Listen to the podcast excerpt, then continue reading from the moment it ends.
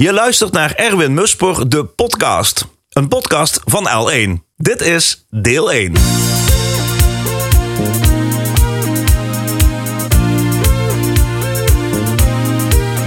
Erwin Musper is producer.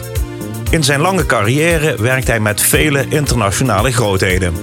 Het rijtje is indrukwekkend met namen als David Bowie, Van Halen, Bon Jovi, Mick Jagger, Metallica, Chicago, Elton John, The Scorpions en Def Leppard. Ook Nederlandse bands weten Muspers studiokwaliteiten op waarde te schatten. Doe maar, Toontje Lager, Raccoon, Normaal, Herman Brood, Frank Boeien, Bluff en Anouk werkten graag met Erwin achter de knoppen. Erwin Musper is inmiddels met pensioen en verruilt in 2014 zijn inmiddels vermaarde Bamboo Room opnamestudio in Cincinnati voor een huis aan het strand in Ecuador. Daar is hij erg betrokken bij het wel en wee van het weeshuis in zijn woonplaats. In deze vijfdelige podcastserie praat ik, Henk Hover van L1, met Erwin Musper aan de hand van 10 door hem zelf gekozen sleutelnummers uit zijn carrière. In aflevering 1 praten we over de niet-Limburgse roots van Limburger Erwin Musper en de eerste schreden op het muzikale pad. Optreden met zijn bandje op de voorloper van Pinkpop, Picnic in Gulpen en de overstap naar professioneel muzikant. Verder ook de bijna aanrijding met een bekende Limburgse zanger op Sunset Boulevard. En hoe neem je een CD op in een tijd dat er nog geen CD-spelers te koop zijn in de winkel? Dit is Erwin Musper, de podcast, deel 1. Ik zit tegenover Erwin Musper. Erwin, welkom. Goedemorgen of goedemiddag. Ja, maakt niet uit, want het is een podcast. Hè. Wanneer je luistert mag je zelf weten. Dus het kan goedemorgen, goedemiddag of goedenavond zijn. Allemaal goed. Goeiedag. De laatste keer dat ik jou zag, was in België. En daar waren we in, eh, bij Pino in de studio. Genk. En toen deed jij Doofus. Die heette later Exit 31. Ja, eh, dat was inderdaad de eerste keer dat ik met de jongens eh, in contact kwam. En met jou. Ja, we precies. Hebben, we hebben buiten nog gezeten. Heb je ook wat geloof Weet jij dat nog? Ja, ik kan me dat heel goed herinneren. Ja. Oh, oh, oh. Oké, goed. Nou ja, ik heb die Ik, ik opnames... dacht eerder andersom, weet jij dit nog? Ja, ik weet het nog. Want ik heb toevallig die opnames van de week nog een keer nageluisterd. En dat was een heel aangenaam gesprek. Dus ik denk van, goh, als Erwin weer eens een keer in het land is, eh, in Limburg is, dan nodig ik, hem, nodig ik hem een keer uit om een kopje koffie te gaan drinken. En dat is ook eigenlijk de basis van deze podcast. Dus je bent er nu.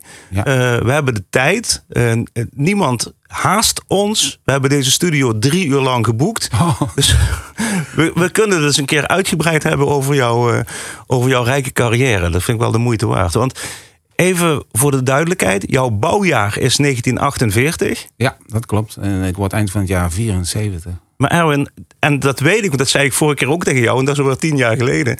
Ik zie dat niet aan jou. Heb je een nieuwe bril nodig? Nee, nee, nee, nee. nee. Jij, jij bent gewoon eh, mensen. Jij ziet er vitaal uit. eh, je bent jong van geest in ieder geval. En eh, je zit altijd nog, iedere keer als ik contact met jou heb. sprankelt het weer van de ideeën bij jou. Hoe, hoe, hoe hou je dat zo? Hoe cultiveer je dat? Ik heb natuurlijk mijn, mijn stekje gevonden al in, eh, ja, begin twintig van muziek. Dat is eh, waar ik de rest van mijn leven mee eh, geconfronteerd wil worden. En dat heb ik tot, tot de dag van vandaag met heel veel plezier gewoon gevolgd. Ja. De, de muze, hè, geloof ik, noemen ze dat. dan. Ja. In ieder geval, dan is mijn levensfilosofie ook bijzonder positief. Ik ben heel weinig momenten in stress. Dus op een of andere manier denk ik ook als je heel veel met muziek en dingetjes bezig bent waar je hart ligt, dan heb je geen tijd om oud te worden. Ja, die muziek heeft jou over de hele wereld gebracht. Hè? Uiteindelijk, ja, inderdaad, dat, dat had ik nooit durven hopen. Eh, maar ik heb ontzettend veel eh, beslissingen genomen in mijn eh, eh, jongere jaren die goed ze hebben uitgepakt. Ja, je, bent over de hele wereld geweest. Je hebt met heel veel artiesten gewerkt. Gaan we daar natuurlijk uitgebreid over hebben. Eh, ik verbaas me wel over het feit dat jij eh, niet in Limburg bent geboren. Ik had altijd het idee van Erwin, dat is een van Us, dat is een Limburger. Maar jij, jij bent niet in Limburg geboren. Nee, maar eh, eh, ik ben geboren op de huwelijksreis van mijn ouders. Oké. En dat was toevallig in Den Haag. Dat was toevallig in Den Haag. Ja. maar eh, daarna snel naar Limburg gekomen met je ouders. Ja, redelijk eh, snel, omdat mijn vader die eh, eh, was uit Indonesië eh, gerepatrieerd. Was toen gelo- geloof ik in die tijd gedwongen. En eh, mijn moeder was een, eh, een eh, verpleegster die die mensen opving. En dat heeft klaarblijkelijk heel snel contact geweest. En, uh, maar toen heeft mijn vader een baan gekregen gewoon in de mijnen in Limburg. Oké. Dus ik ben al heel vroeg, uh, vanaf een jaar of drie, denk ik, in Sittard. Uh, in Sittard? Ja. Dus dat is eigenlijk jouw, want daar zitten jouw eerste herinneringen, denk ik. Hè? Daar zitten mijn eerste herinneringen qua school. En, en, en maar tot, tot mijn vroege tienerjaren, toen ben ik op een internaat gegaan in Weert. Oké. voor een HBS-opleiding en zo. En uiteindelijk, ja, na een aantal jaren gestudeerd te hebben en een diploma op mijn zak, dacht ik van ja, nou ga ik de muziek in. Ja. En toen heb ik me in een bandje gebluft. Maar, gaan we het daar nog over hebben? Ik heb een aantal biografieën van jou opgezocht. Want als je uh, Erwin Musper intypt uh, op Google, nou, dan kom je nog wel wat verhalen tegen over jou. Um, ik wil eerst een verhaaltje checken. Want er schijnt één liedje te zijn wat jou heeft aangezet om, om zelf ook uh, muziek te gaan maken. En dat is dit. Hang down your head, Tom, Oh, je knikt al gelijk, uh, Erwin. Ja, ja, dit was gewoon een, uh, een liedje wat ik hoorde bij mijn opa en oma die hm? in Bussum woonden. En, de, en die hadden een, een werkster die thuis een, een 45 toeren een plaatspelertje? Ja, zo'n ding waar je, als een, als een bijna als, als, als weet ik veel, uh, moest je de plaat erin stoppen en dan begint hij te draaien. Oh, echt? Ja. En die had, die had dan uh, twee plaatjes en dat was er één van. En ik kreeg er niet genoeg van, dus dat heeft, dat heeft me tot, ik weet nu nog hoe ik daarbij zat en in welke kamer en zo. En dat heeft eigenlijk alles getriggerd. Ja, en, en als je dan terugkijkt nu met jouw enorme muzikale bagage, wat heeft dit liedje dan waardoor een kind getriggerd wordt om, uh, om muziek te gaan maken? Ik, ik zou, je, je moet waarschijnlijk toch een soort gevoel hebben dat je, dat je het uh, in je opneemt en, en dat het iets met je doet. Maar dat deed iets met me. En, en ik weet niet of het omdat het Engels was, maar het was gewoon, gewoon een liedje met gitaren. Ja, en dat, dat heeft eigenlijk eh, de, de, de, het start zijn gegeven. Voor mij toen niet bewust. Maar een beetje later, een paar jaar later, dan, uh, dan zit, je, zie je, zit je op je kamertje in Sittard en dan uh, luister je naar Radio Luxemburg. En dan gaat de wereld open. In die tijd was Radio Luxemburg zo ongelooflijk um, voorop op de tijd. Le eigen leading zender op dat moment. Ja. Hè? Ja, ja, ja. Echt om een uur of elf s'avonds kwamen de Beatles live. Uh, Echt waar? Ja, dat was niet te geloven. Dan, dan hoorde je en dan hoorde ik het verschil. Oh ja, dat is een beetje anders. Want uh, noem maar wat, het liedje From Me to You uh, werd dan From Us to You. Oh, omdat okay. het live was. Ja, ja. Dat soort kleine nuances. Maar gewoon, ik, ik was gewoon helemaal... ja, hoe, hoe, zou ik het moeten zeggen? begeesterd. Ja, en ja. voor, voor niets anders had ik eigenlijk zin ja. of oog voor. In, in welke band blufte jij je? Je zei, ik blufte met een bandje. Ja, nou, uh, ik, ik, ik, uh, ik zat nadat ik uh, mijn school had geëindigd, werkte ik allemaal hele kleine jobjes. bij de stroopfabriek in Meersen en in, bij, de, bij het bedrijf van Jussen. vloeren leggen in het ziekenhuis in Heerlen, geloof ik, wat okay. gebouwd werd. In ieder geval, dat, dat waren dingetjes. En ik woonde dan in Meersen. En dan zag ik op een, op een bepaalde dag waren, waren een paar jongens in, uh, op, op het marktplein of het kerkplein daar. En die bleken in een bandje te zitten. Dus ik ging erbij zitten en net doen alsof ik uh, de, uh, degene was die ze nodig hadden. Ja, ja. En toen, toen kon ik auditie doen. Hè? En, en toen was ik plotseling in een bandje. En het bandje heette de Came. Came? Ja. K-E-E-M, hè? Ja, K-E-E-M. En dat werd langzamerhand een populair bandje in uh, Limburg. Tot we zelfs op de voorloper van Pinkpop terechtkwamen in uh, Gulpen. Het, Gulpen. het Picknickfestival op de Gulpenerberg, ja. de voorloper van. Ja, en, uh, als je de... er is een boek uit van Pinkpop 50 jaar. En daar wordt dat in genoemd. En dan sta ik zelfs nog toevallig met een foto van Pink, Pinknick. Oh, Oké, okay, picknick, ja. ja. Oh, wat cool. Want, uh, want uh, ik hoor altijd van Frans Teunis, hè, de bekende zanger Frans Teunis, dat hij met de Sharons op Picnic gespeeld zou hebben. Maar die Sharons komen ook in jouw biografie weer terug, hè? Ja, uh, op datzelfde festival werd ik naar de hand aangesproken door Pierre Bekkers. Bassist. Bassist. Ja. En die vroeg, heb je zin om bij ons te komen spelen? Dus op, op die dag gebeurde dat. En toen was maar één ding in mijn hoofd van... Ja, jullie zijn professioneel. Je hoeft niks anders, je hoeft niet meer bij te werken en zo. En dat was voor mij voldoende. En toen heb ik dat aanbod dankbaar aangenomen.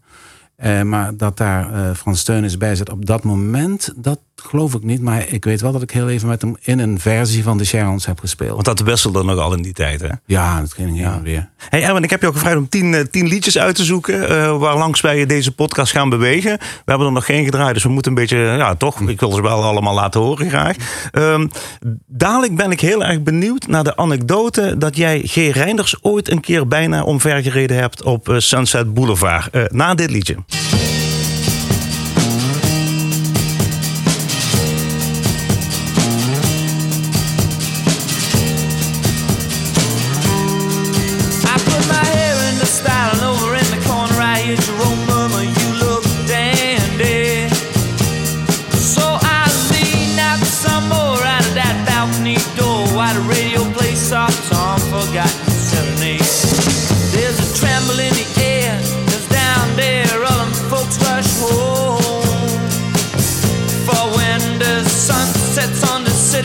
nobody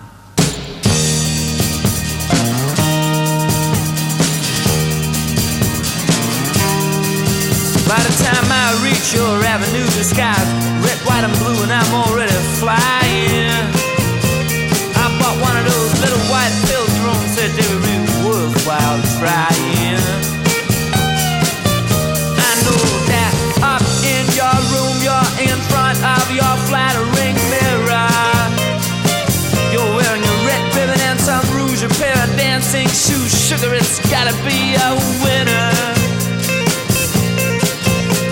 Red hot warm watery is the kiss that lingers on my lips as we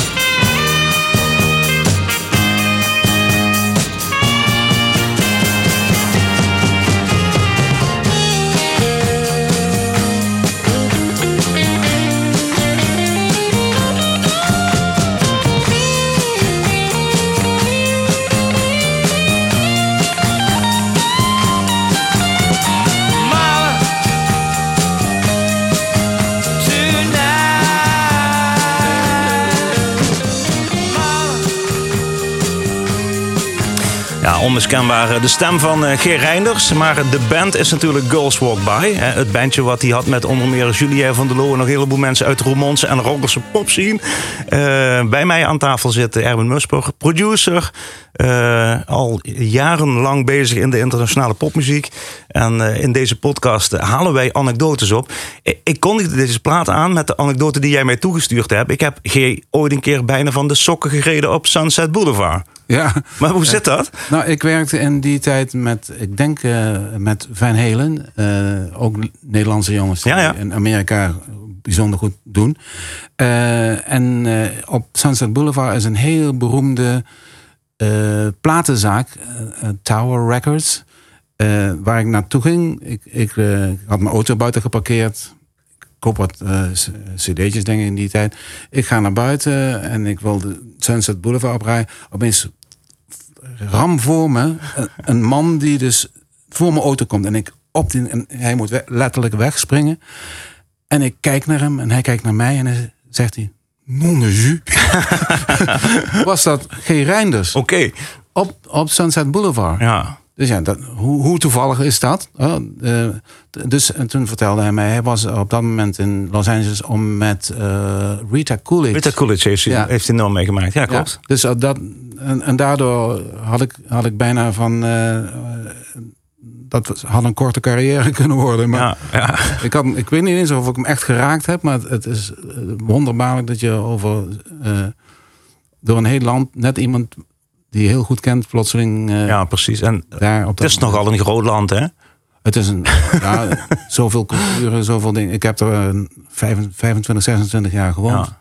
Hey, maar toch even, heb je nog contact met G. Reinders? Eh, zie je hem nog wel eens? Spreek je hem nog wel eens als je in, in, eh, Nederland bent? Uh, nou, ik heb pas geleden contact met hem gekregen... omdat hij zijn album, wat hij met mij toen gemaakt heeft... ik als producer en, en hij als bandlid... dat gaan ze opnieuw uitbrengen. En er zijn nieuwere versies van gekomen... En uh, heeft hij me gevraagd of ik daar een voorwoord voor wilde geven. En ik heb het geluisterd. Het is fantastisch. En ik was werkelijk uh, eigenlijk wel best wel gelukkig dat ik na al die jaren zeg van ja, ik zou geen enkele nood veranderen. Ja, want dit, is Girls Walk By. Die waren in de jaren, uh, eind jaren tachtig waren die super populair in Limburg. Ja. Uh, dat heb jij gemaakt in de, de Telstar Studio, denk in ik. De Telstar Studio, ja. Samen nog met mijn grote vriend Pierre Bekkers. hebben wij samen aan het roer gestaan om, om dat album te produceren. En ik heb hem zelfs nog in de kast staan in mijn nieuwe, oh, echt waar? mijn nieuwe huis. Dus toen uh, G me, me een bericht gestuurd. heb ik een foto gestuurd. Uh, precies van bij me. Ik heb hem nog. Ik heb hem nog. Dus uh, uh, heel grappig, een beetje de, de, terug in de tijd. Maar... Ja, we, we maken deze podcast uh, aan de hand van een uh, lijstje met platen. Of een lijstje met nummers die je mij toegestuurd hebt. tussendoor weven we de, de, de Limburgse popgeschiedenis. Want daar heb jij bij veel dingen toch ook een beetje mee aan de basis gestaan. Mm -hmm. De naam Pierre Bekkers is nu al drie of vier keer gevallen. Ja. Pierre is er niet meer. Uh, geweldige bassist, tal van bands gespeeld. Uh, maar ook uh, samen met jou oprichter van die beroemde platenstudio in, onder in de kelder bij het kasteel van Borgharen. Ja, hoe, hoe, ging, hoe ging dat, Erwin? Ja, uiteindelijk de, de, naam was dus Marlstone. Ja, zeker. En, en ik, ik wil niet over patsen. Maar ze vroegen, kunnen we een naam verzinnen? Dus ik heb die naam verzonnen, omdat het helemaal mergelsteen was. Ben ik gaan opzoeken. Een hele mooie kelder ook, ja. Zo'n zo'n boogkelder met een, ja. inderdaad mergelstenen. Ja. En dus ik dacht, nou, Milestone, dat werd Milestone. En toen zijn we met vijf mensen, onder andere ja, eh, Jean Enemer, Connie Peters, Pierre en ik... En Charlie Prik was de vijfde volgens mij. En dan hebben we ze alle vijf genoemd, ja. En toen hebben we uh, gewoon eigenlijk op goed geluk zijn we een, een, een soort platenmaatschappijtje begonnen. Hoe doe je dat in die tijd? Hoe, hoe ging dat? Ha, in die tijd. Want nu kan iedereen dat. Hè? Ik bedoel, je hebt een mooie Apple computer en je koopt een goede microfoon. Dan heb je al bijna een platenstudio. Hè? Ja, ja ligt, soms hè, mensen aan de bemanning. Ja, denk ik ook. Maar goed. ja, nee, maar hoe deed je dat? We hadden natuurlijk het, het grote voordeel dat uh, Jean en Connie waren toch al wat doorgewinterder. En die hadden dus natuurlijk bij uh, Johnny Hoes ook al wat gewerkt. Ja, en, en als muzikant bij de Walkers gespeeld. En daar ook een heleboel ervaring op gedaan. Hè? Dus we waren eigenlijk wel met een aantal uh, mensen die, die muzikaal wisten wat ze wilden. En uh, ik ging meteen de richting op zeggen, maar ik wil wel niet. Uh, jullie zijn iets meer voor het volksrepertoire. Mm. En ik ben daar niet zo in thuis. Dus ik wil liever de poprichting uit. En, dan, dat kon daar. Aan het begin maatschappij, jij doet dit, jij doet dat. Ja. En binnen een maand hadden we Frank Boeien getekend. Maar wacht even, hoe kom je aan Frank Boeien? Frank Boeien had mij een, een, een, een cassetje gestuurd. En bleek hij dus door iedere maatschappij in Nederland te zijn afgewezen. Ai. En, en ik dacht van, verdorie, dat, het was eigenlijk bijna een, nog een, een, een bandje wat meer police-achtige uh, arrangementen maakte met zijn muziek. En ik vond het heel origineel. Dus ik heb meteen gezegd van, nou, we kunnen bij ons terecht. En uh, hebben een album opgenomen in die kelder in het kasteel in Borgharen. En toen zeiden ze, oh je moet dat ene liedje, dat moet een single worden. En ik zei, nee, dat, dat is niet het beste liedje. Niet, jawel, jawel. Nou goed, en dat was dan verjaardagsfeest. Oké. Okay. werd meteen een hit. Dus we hadden eigenlijk een vervliegende start met Milestone. Ja, en, en, en want ik herinner me ook dat er nog een Kilroy-label was. Kilroy was van een, een onderdeel van eh, de, de maatschappij van Johnny Hoes, Telstar. Mhm. En die hadden waarschijnlijk ook uh, zo'n divisie. Zodra het pop wordt, is het niet meer Telstar, maar dan wordt het Kilroy. Kilroy, oké. En, en naar de hand zelfs Sky of zo. Ja. En uh, ja, dus uh, de, de link met Telstar werd eigenlijk steeds inniger. Daardoor hebben we ook met Girls Rock By toen in Weert kunnen opnemen. En ik dacht van, oh, Weert is een betere studio dan ja. wat wij hebben. Het is wat anders dan zo'n keldertje eigenlijk, hè? Ja, ja, ja, ja. Maar mijn droom ging nog verder. Maar in ieder geval, op dat moment dacht ik van, nou kunnen we uh, dat gewoon doen. En in een superstudio. Dus de producties werden steeds beter. En, en we brachten ook steeds meer uh, uh, artiesten binnen die naar de hand toch wel uh, door, doorgebroken zijn. En, en voor, ja, vooral Frank Boeien is tot op de dag van vandaag nog een, een, een corifee. Ja, zeker. Zijn, zijn, zijn er nog contacten? incidenteel. Ik, sinds ik eigenlijk in Amerika woon, is dat natuurlijk aan het verwaterd. Maar toen we nog uh, toen ik nog in Nederland werkte en vooral in Hilversum kwamen we elkaar regelmatig tegen. En dan worden wat oude koeien uit de sloot. Ja, hey, we zitten in de periode van de nederpop.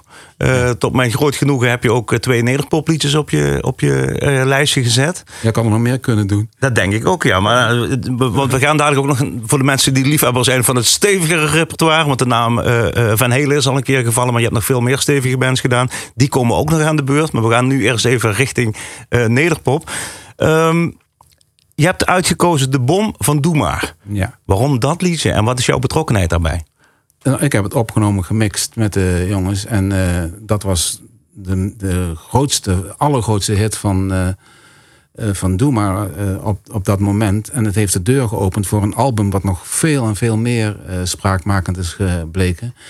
En ja, die tijd dat ik met hun dat heb opgenomen was, was voor mij eigenlijk, een, een ook buiten het feit dat, uh, dat ik de technicus was, de jongens hadden een bijzonder vooruitziende blik wat mogelijk was in een studio. Dus stiekem heb ik daar ook weer van geleerd. Want ze waren een tijd vooruit wat dat betreft? In vergelijking met andere bands destijds? Meer dan je denkt. Ja. ja eh, toch even uh, de anekdote gaat dat uh, Johnny Hoes, want dat, is de, de, was de platenbaas toen hè, bij Telstar, de grote man achter de zangeres zonder naam en Henk Wijngaard en weet ik veel wat voor Hollandse corifeeën destijds. Die, die had op een gegeven moment Doe maar binnen. Daar werd flink geld mee verdiend, want er werden flink wat platen van verkocht destijds nog. En Johnny Hoes kocht een digitale studio, een digitale opnamestudio, zonder te weten hoe het überhaupt werkte. En jij was de man die dat aan de praat kreeg. Is dat een. Uh, niet helemaal. Ja, vertel eens. Uh, het is wel zo dat in die tijd van Doema het fenomeen CD, mm -hmm. 1981 ongeveer, de kop opstak. Dus waarschijnlijk was Sony en Philips die dat hebben ontwikkeld, geïnteresseerd in een band met een reputatie. Dus opeens kwamen die allemaal die dingen binnenbrengen. En de grap was dat die, die mensen wisten precies hoe, die, hoe ze dat moesten aansluiten en weet ik wat aan het werk krijgen. Maar ze wisten niet wat, muziek produceren was. Dus toen werd het een, een, een soort uh, samenwerkingsverband. Ik kon hun helpen uh, de juiste muziek. Want, want uh, de, noem maar wat, technisch gezien kun je met een CD, is het frequentiebereik zoveel groter dat je dat met de opname rekening mee moet houden. Vroeger was het zo niet te veel laag, want dan gaat die naald uit de groef. Of niet te veel hoog en wordt het pijnlijk. Dat was bij de CD van de baan. Dus dat was van mijn curve. Maar zij wisten dat ook niet. Dus uh, het werd een samenwerkingsverband uh, in die uh, ontwikkeling van, van de, eigenlijk van de CD. Want uh, de CD ik weet niet eens of het toen al een CD op de markt was. Want we kregen uiteindelijk een, uh, een, uh, een, een platinum plaat en zo van, van, van virus. En kregen we een CD bij. En we stonden te kijken, wat moeten we daarmee? Dus Want je had geen CD-speler om in te stoppen. Oké. en toen kregen we prototypes van CD-spelers. Oh, echt dus dat was echt helemaal aan het, En die heb ik aan mijn vader naar de hand gegeven. Ik ga, ik ga draaien, omdat jij dat op je lijstje hebt staan, eh, van Doe maar de bom. Praten er zo over verder. Thank you.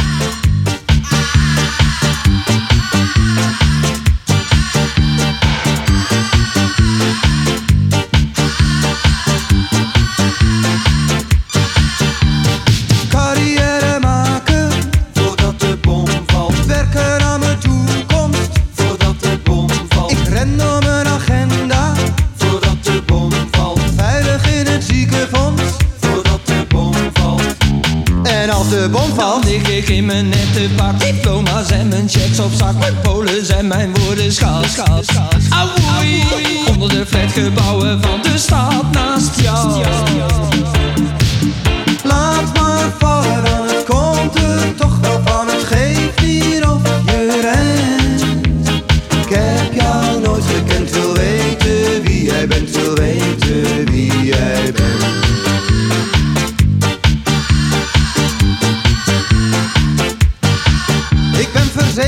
Succes, tegen brand en voor mijn leven. Ik heb van alles maar geen tijd, ook niet voor heel even. Ik moet aan mijn salaris denken en aan mijn relaties. Maar liever weet ik wie jij bent, voordat het te laat is. Want als de bom Dan lig ik in mijn nette pak. Diploma's en mijn checks op zak. Mijn polen en mijn woorden schaal, schaal, schaal. Auwoei, onder de flatgebouwen van de stad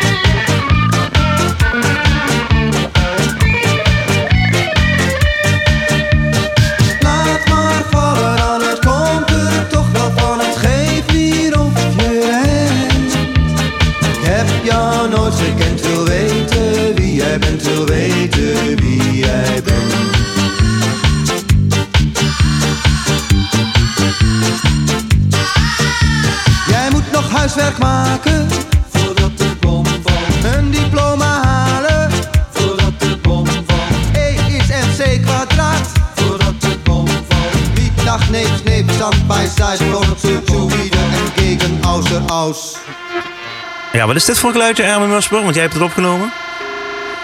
Eh, ik weet niet wat. Een kapotte telefoon hoor ik. Nou, ik geloof dat, eh, dat de alle, ehm, allerlaatste van de originele versie was van E is MC kwadraat. Ja, daar waren we, ja. En dan hoor Ja, ja. zo'n piepje erachteraan. Maar, maar jij, jij heb, als je dit nou opzet... Nee, anders, ik vraag, ik vraag wat anders. Je stapt dadelijk in de auto en dan zet je gewoon de radio aan. Doen we allemaal. En dan hoor je in één keer eh, de bom van Doe maar toevallig langskomen. Eh, heeft dat dan, krijg je dan nog kippenvel, speciale herinneringen? Wat roept dat bij je op als je het nog een keer terug hoort? In eerste instantie een, een visuele ehm, eh, reactie van ik, ik zie mezelf weer in die studio. Op, Echt waar? op het moment dat we dat hebben opgenomen. Want iedere sessie is toch uniek. Het is, het is niet zo dat, dat je dat als op autom- automatische piloot doet. En dan weet ik nog de dingetjes hier. Oké, we gaan op die manier opnemen. Weet je wat? We gebruiken een elektronische bassdrum. Mhm. Maar we laten alle eh, roffeltjes, die worden dan eh, door eh, Jan live ingespeeld. En dat hoor je op eh, daarna niet dat, hoe het in elkaar is. Maar eh, dan heb ik allemaal die momenten Maar zie je ook de tracks nog voor je in feite? Dus van, oh, dit zet heel lang. daar en daar. Ja, Ja, Jaren later, eh, ik weet dat nog bij een andere productie dat iemand me zei van god en dat en dat en die solo zo zei ja die stond op track 17. Echt waar. Wat Oké. dan heb ik dingetjes ja of, of maar ook andere dingen in studio's me maar daar komen we st- straks misschien wel. Maar je op. begint, eh, bedoel, je begint met de, de kick op eh, één, denk ik. De snare Ja. op twee. En Ja. tenminste, dat, dat zie ik altijd dat technici dat Ja. doen. Maar ja, op 17, wat daar dan nog zit, want dat ligt aan de bezetting van de band. Ja, ja nou, nou het, eh, eh, je hebt het toch maandenlang voor je. Hè? En, en die dingetjes zijn misschien bijna fotografisch. Ja. En hetzelfde geldt met, eh, met iedere band. En daarna werd het nog veel ingewikkelder toen je meerdere machines met elkaar moest synchroniseren en zo. Eh, maar dus de eerste reactie als ik iets hoor, dan plaats ik mezelf weer terug in die situatie toen we het hebben opgenomen. En heel af en toe zitten wij samen in de auto, eh Danielle en ik, en ik hoor wat en zeg: Heb ik dat nou gedaan? Oh, echt waar? En hij heeft zij een, een bijzonder goed geheugen van... eh, ja, dat, dat, dat wel of dat niet. Hè. Gisteren hadden we nog iets... we waren gisteren bij Anouk en, oh, live. En dan zeg ik, is dat een? Ja, ja, dat is... Nee, nee. Dus, eh, maar dan, zie ik hetzelfde. Ook iedere keer weer het moment... eh, waar, waar we op, dat we het geregistreerd hebben. Ja. Niet naar de hand of zo. Ja. Anouk komt dadelijk ook nog aan de beurt. Voor de mensen die misschien wel voor Anouk luisteren. Anouk komt er dadelijk ook nog aan. Maar we blijven nog heel even, heel even een stukje eh, nederpop, jaren tachtig. Ehm, toontje lager, zoveel te doen. Wat, wat, uh, Toontje Lager is ook een typische Telstar-band voor mijn gevoel hè, uit die Absoluut. jaren. Ja, die zijn door uh, uh, Telstar binnengebracht. En daarvoor heette ze geloof ik nog niet eens zo. En daar hebben we drie albums mee opgenomen. En dat ging ook eigenlijk meer in, in het voetsporen van doe maar. ging dat mee de lucht in. En dat was een heel ander soort band. bijna iets meer cabaretesk en zo. Met, met pop-invloeden. Maar daar hadden we ook natuurlijk dingen die uh, geëxperimenteerd, geëxperimenteerd mogen worden. Wat, wat je bij een andere maatschappij gewoon niet kreeg. Je kon daar echt. Uh, kreeg de vrije hand. Studio werd geboekt, een maand, dus, uh, drie ja, weken, weet ik veel wat. En dan gaan we met de band aan de slag. Ja, want ik, ik had altijd zo'n beetje, een beetje organisatorische dingen van. Ik ga naar de directie en ik zeg van. We hebben zoveel uren nodig. En als de studio zoveel kost, dan kost dit project. Oh, en dan hielden ze me zo. We willen niet weten wat het kost. Oh, echt de studio staat er toch. Ga je gang. Oké, okay, dus dat is wel heel relaxed dan toch? Waanzinnig. Maar je kunt ook helemaal verzanden, hè? Kun, ja, kan ik helemaal uit de klauwen lopen. Dat zou kunnen. Maar ik ben wat dat betreft misschien net iets te ongeduldig. Of ik heb een visie en als ik dat bereikt heb, dan, dan gaan we door. Dan laat ik mensen, ik laat de mensen ook niet hele avonden zingen. Binnen 20 minuten zijn ze klaar. En ik heb een bepaald systeem dat ik het beste uit een zanger kan halen ja. binnen 20 minuten. Ja.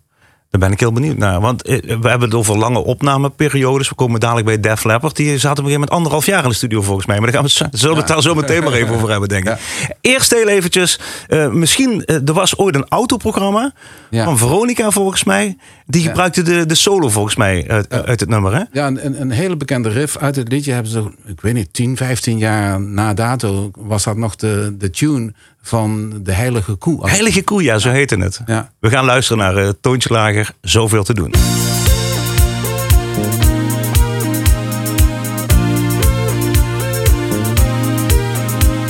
Mijn boodschappen nog doen en straks de vuile was.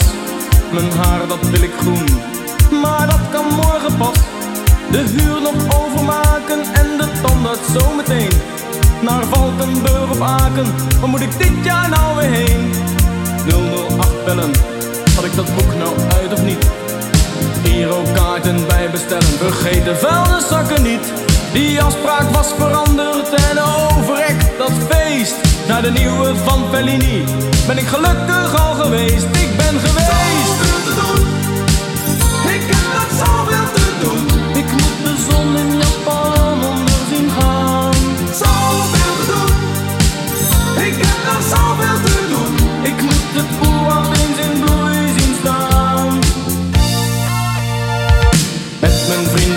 Praten over de rol van man en vrouw. Sinterklaas gedichten maken, hoewel het is pas juni nou. De krant ligt nog te wachten, ik moet wat doen aan sport. Slapeloze nachten, want de dagen zijn te kort, ze zijn te kort. Zoveel te doen, ik heb nog zoveel te doen. Ik moet nog eens wat jachten van een Italiaan.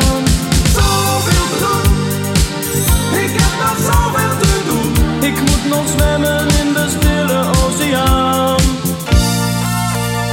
Mijn bed moet dik verschonen, ik moet naar de wc. Belastingformulieren, dat laat zo'n week of twee. Ik zou langs bij haar vanavond, of kwam ze nou bij mij? Mijn agenda moet ik bijhouden, maar ik heb te weinig tijd, te weinig tijd. Zoveel te doen, ik heb nog zoveel te doen. Ik moet nog hinkstap springen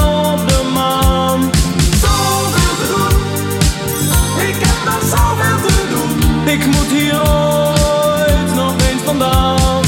Toontje Lager met Zoveel te doen. Een van de honderden, wellicht duizenden liedjes opgenomen door Erwin Musper in zijn lange internationale carrière als geluidstechnicus en producer.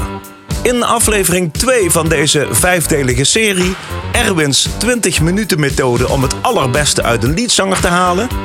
Avonturen met meestergitarist Paco de Lucia, Bon Jovi en David Bowie. Tot de volgende!